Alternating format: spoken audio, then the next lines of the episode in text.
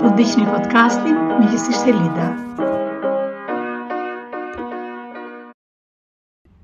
Episodi 163 Një ditë e bukur vjeshtë, miq, Mirdita, sot do të referohem tre pyetjeve që në fakt kanë dalë gjatë rrugës sa i takon modulit që ne po flasim, që është rekrutimi dhe selektimi.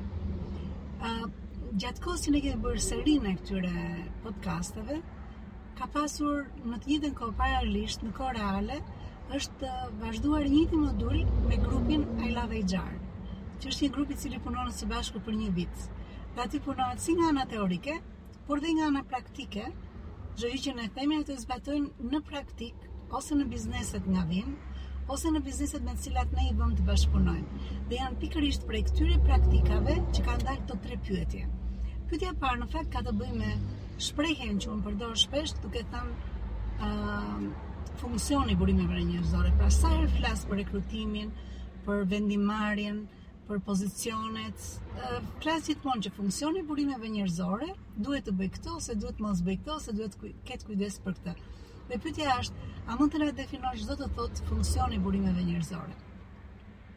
Në fakt, në praktikën time, unë jam e bekuar të punoj me njerëz nga të gjitha sektorët, nga të gjithë sektorët e industrisë, pothuajse nga të gjithë, qoftë në në qytet, qoftë në fshat, qoftë edhe ajo që dua t'i referohem shumë më tepër tani në definicionin e fjalës funksioni i burimeve njerëzore, qoftë edhe në madhësinë e biznesit.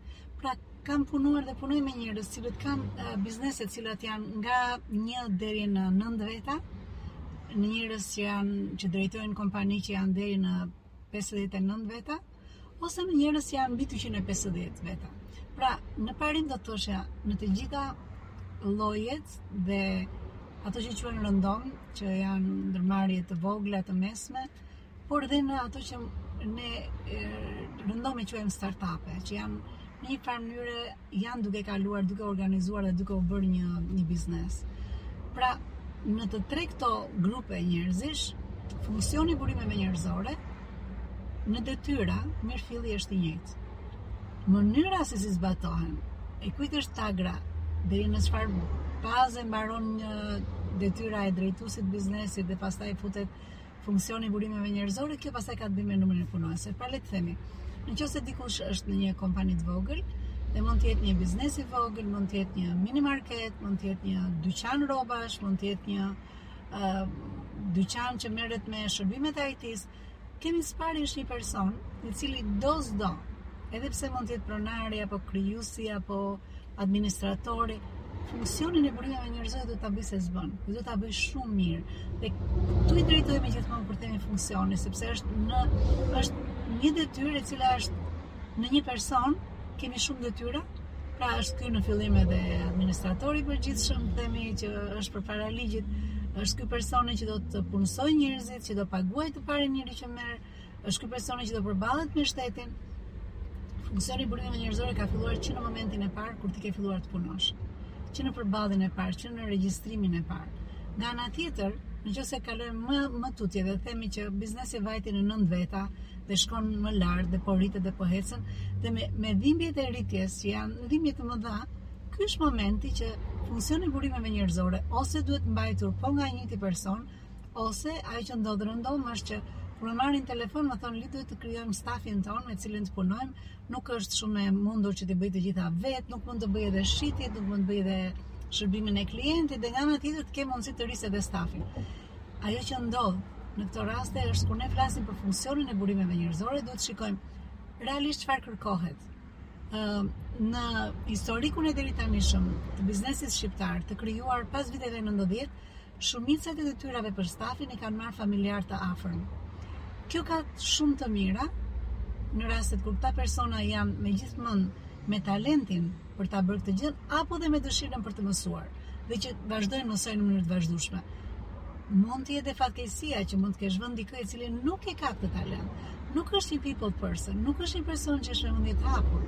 Dhe këto janë dy rastet kur unë them që funksioni i burimeve njerëzore kur fillon rritet kompania, duhet realisht të të pozicionohet, të bëhet një post pune, i cili jo detyrimisht duhet të ketë vetëm këtë detyrë, por mund të ketë detyra të tjera administrative, mund të jetë që të mbulojë dhe financën, varet në sa dhe sa ngarkesë pune ka, mund të ketë vende pune për shembull që vërtet mund të jenë pak veta, por lëvizja e punonjësve është shumë e madhe sepse bëhet fjalë për produkte apo për fushata që janë sezonale. Pra, ajo që jam duke thënë është në varësi të pozicionit të ngarkesës që ka funksioni i burimeve njerëzore, ai mund të ndahet, që mund të jetë detyra e plotë funksionale e një personi, mund të jetë e dy personave kur kjo kalon një numër të caktuar njerëzish dhe është gjithmonë që varet nga ngarkesa e punës ose më saktë nga rezultatet që pritet që ky person të plotësojë në fund të ditës. Pra, kur flasim funksioni i burimeve njerëzore, duam të themi për atë 360 gradë të punës që bën dikush që nga pjesa kur thotë you are hired deri në you are fired. dhe dhe përmidis. Pra që në momentin kur dikush merret në punë, deri në momentin kur ti ndjen për shkakun që duhet të heqësh dikën nga puna. Dhe është një proces i cili asnjëherë nuk është në formë lineare, është gjithmonë një gjë rrumullake, ndaj i themi që është 360 gradë. Pra kjo që pyetja e parë që kishte të bënte me çfarë quhet me funksion të burimeve njerëzore. Dhe në aplikimin në jetë duhet të mbajmë në mendje që kjo është një është një gjë që lind bashkë me biznesin. Pra të ndërtuarit, leadershipi përmes njerëzve lind bashkë bashkë me biznesin. Dhe siç rritet biznesi, ashtu do të rritet funksioni, ashtu do të rriten personat që zbatojnë këtë funksion.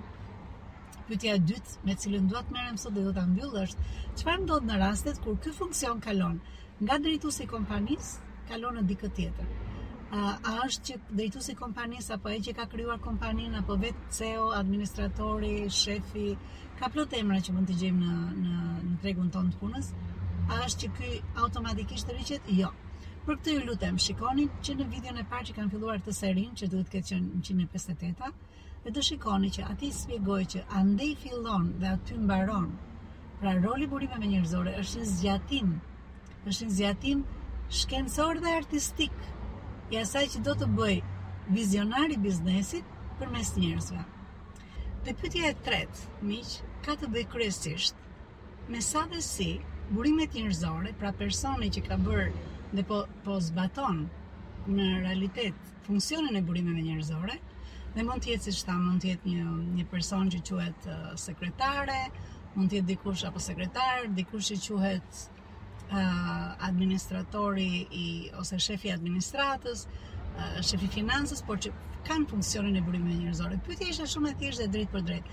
Nëse vetë personi nuk është i motivuar, pra nuk është i shpërblyer për funksionin e burimeve njerëzore, a është e mundur që ky të bëjë një punë të mirë duke për shembull duke përfaqësuar shumë mirë kompaninë kur flasim për vlerat e kompanisë, kur flasim që këtu ka një sistem shumë të mirë, që ju duhet të vini këtu. Pra, keni parasysh nga 158-a deri në 162 që është ajo që ne themi roli i burimeve njerëzore dhe i gjithë panelit për të njohur, për të bërë që kompania të njihet nga të tjerët. dhe të njihet me këto vlera. Pra pyetja është, çfarë bëhet kur vetë personi nuk i beson këto vlera? Unë besoj që ka dy zgjidhje. Zgjidhja e parë është që ti do marrësh do shikosh sa në kundërshtim janë këto vlera me atë që ti je në jetën tënde. Dhe nëse, nëse vlerat janë totalisht të kundërta, do të thotë, nga momenti që ti ke një rol ti po bën një funksion të burimeve njerëzore dhe qartësisht nuk e bën dot mirë. Do të duhet të konsiderosh largimin ose në qoftë se ti beson që këto vlera nuk janë qenësisht të gabuara, por siç kuptova nga biseda me personin që më bëri pyetjen është që vlerësimi monetar i vetë personit që ka funksionin e burimeve njerëzore nuk është i kënaqshëm. Dhe keni parasysh në tregun e sotshëm, burimet njerëzore janë të parët që marrin vesh sa janë çmimet e tregut, sa është konkurrenca, sa është rreth rrotull, sa sa paguhet një bashkëdrejtues burimesh njerëzore në një vend tjetër. Realisht në këtë rast ajo që do të thosha është për sa kohë vlerat e qenësishme të tuat nuk janë të kundërshtuara në kundërshtim me vlerat që kompania shpërndan, por ti ke një qejfmbetje që ka të bëjë me me shpërblimin tënd, e vetmja gjë që unë them gjithmonë është punoni si për Perëndinë. Është është e lehtë ta thuash, se e kuptoj se sa i zhgënjyer apo e zhgënjyer mund të jetë dikush që në mënyrë të vazhdueshme merr persona në punë, të cilët i paguan që në momentin e parë shumë më tepër se vetja vet.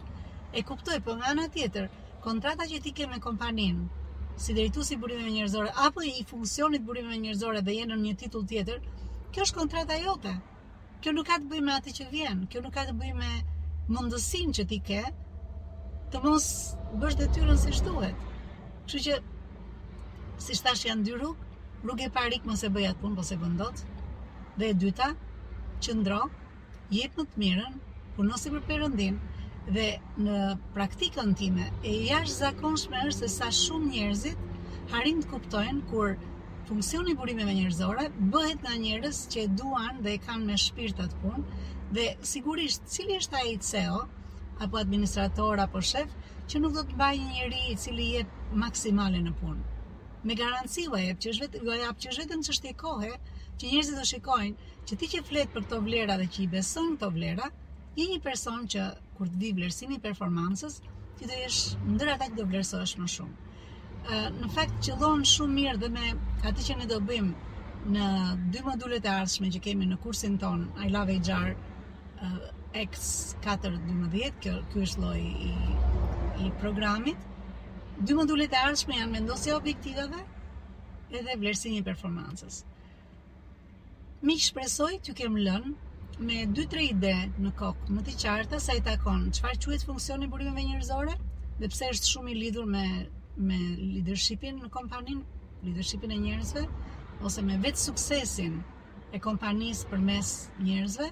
E dyta, cili është roli, kur rritet kompania, roli i CEO-s, apo i drejtusit, apo i vizionarit, sa i takon marrjes së njerëzve në punë, edhe e treta, çfarë bëhet kur vetë ai që drejton burimet njerëzore, vetë ai që merr dikë në punë, është i pamotivuar, apo është i painkurajuar nga ana monetare. Miq më shkruani, nëse ka pyetje të tjera, me gocat e grupit po diskutonim që mund të bëjmë dhe një sesion të hapur me pyetje të hapura ndofta në live Facebook apo diçka po ta shikojmë. Po në fakt janë shumë pyetje të cilat janë në realitetin shqiptar, janë shumë të prekshme dhe mund të jenë si pa vlerë për dikë, por në fakt të vrasin ose bëjnë të çalojë puna pikërisht atje ku ne duam t'i vëmë njerëzit në set start for success, t'i vëmë atje në start për sukses.